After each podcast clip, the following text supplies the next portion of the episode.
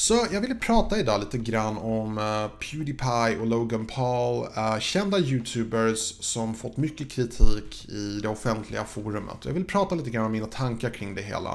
Ehm, för jag har väldigt blandade känslor kring det. Mycket nöje.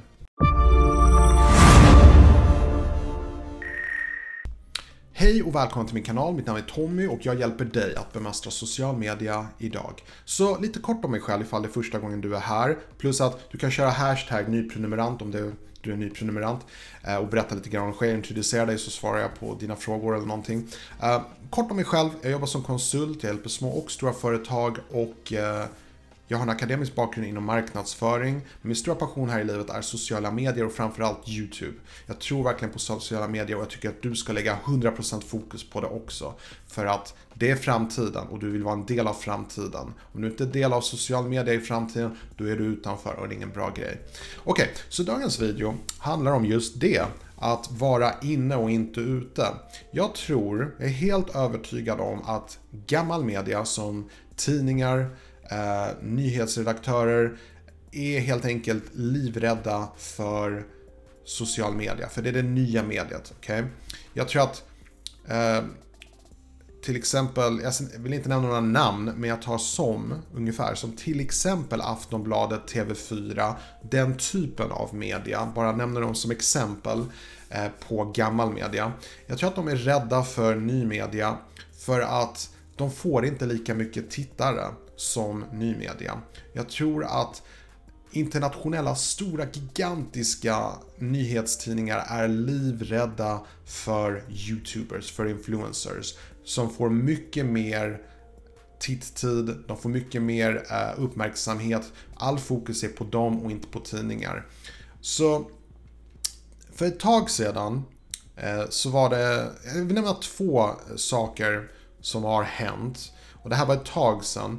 Första var när eh, Pewdiepie anklagades för att vara en nazist.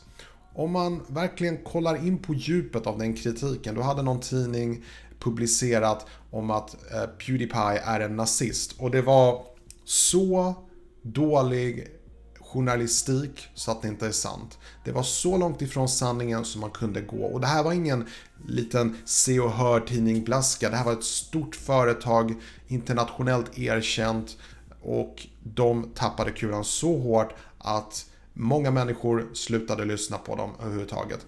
Pewdiepie är inte nazist, han har aldrig varit det. Vad de hade gjort det var att de hade hittat olika stycken i hans tusentals videon som kunde få det att se ut som att han var det.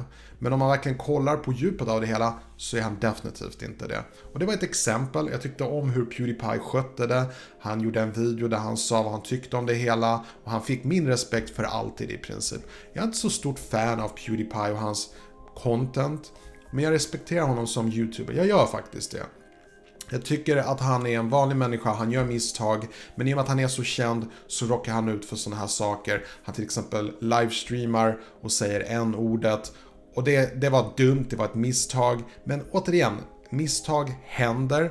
Visst, man har ett stort ansvar när man har så mycket uppmärksamhet, men när tidningar runt om försöker korsfästa honom bara för att de själva är rädda, då blir jag lite frustrerad faktiskt. Ett annat exempel som jag också vill ta upp det är Logan Paul-incidenten när han faktiskt hittade ett lik i en skog och filmade det.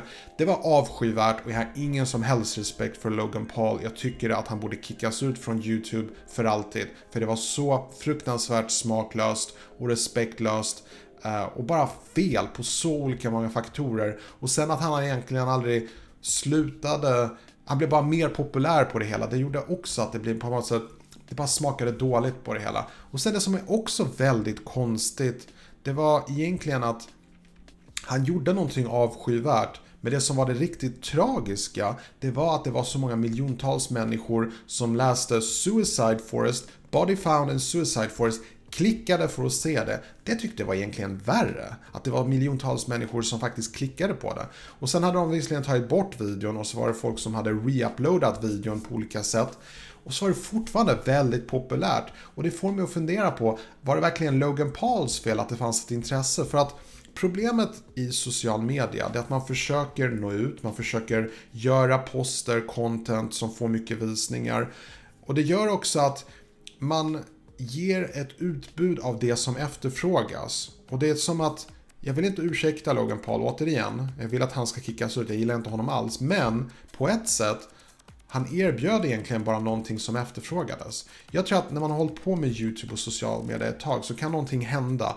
Man, man går upp i varv, man fångas med och man förvandlas till en slags algoritmrobot som gör allt för att bli viral och få mycket visningar och mycket likes. Och det är det som hände här. Han observerade situationen när han var i Japan, han var inne i en självmordsskog, han såg ett lik och han tänkte det här måste vi visa för det kommer få mycket visningar. Han tänkte inte. Han gjorde ett misstag, det tror jag på. Han borde inte ha gjort det misstaget, definitivt. Men poängen är att världen ville ha det här. Det, det, är inte allt långt ifrån det här när det händer en tragedi, typ 9-11, typ Breivik-incidenten. Så bara något år efter så gör Hollywood filmer om det. Och de gör inte det för att på något sätt respektera alla offren. De gör det för att folk är intresserade av det. Folk vill se tragedin. Det är därför folk läser tidningsartiklar om att en buss exploderar och hundra människor dör i någon storm eller någon jordbävning.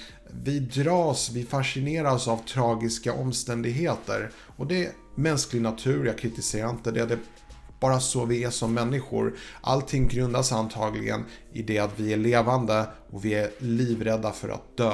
Och någonstans på något psykologiskt sätt så tror jag att det är det som driver vårt intresse till sådana saker. Men poängen med den här videon, det handlar mer om att jag tror att gammal media är livrädda för er, för Instagram, Eh, influencers, för YouTubers. Det ni håller på med, ni är pionjärer inom det nya språket. Vad gäller till exempel tidningar, nyheter. Jag litar på en person i media och han befinner sig på YouTube. Han heter Philip DeFranco. Jag har förtroende när jag lyssnar på honom. Jag litar på det han pratar och säger om. Jag litar inte på det Aftonbladet säger för det känns som att allting de gör är vinklat för att få så mycket visningar som möjligt. Jag tycker det är fel. Jag tycker att det Philip DeFranco gör funkar mycket bättre för min smak. Jag har mycket mer förtroende för det han gör än vad Aftonbladet gör, till exempel. Och jag tror att det är det du behöver satsa på också. Lär, lär dig av det här. Skapa ett förtroende. Bygg en community som baseras på ärlighet, som baseras på, eh, på tillit helt enkelt. När folk litar på det du säger då händer magiska saker. Och det handlar inte om att du ska lura folk. Var ärlig. Det har jag uppmanat i flera videor. Var ärlig, var 100% ärlig. För när du inte är det, det kommer bita dig på ett eller annat sätt. Så det är mitt tips. Utnyttja det här att just nu är det många YouTubers, mycket inom gammal media som försöker smutskasta folk hit och tärs. De försöker göra clickbait, de gör fula clickbaits. Men du kan bygga upp någonting som baseras på ärlighet och tillit. Satsa på den kullen så tror jag att någonting helt fantastiskt kommer hända dig inom social media. Det tror jag verkligen. Och det är det jag satsar på, 100%.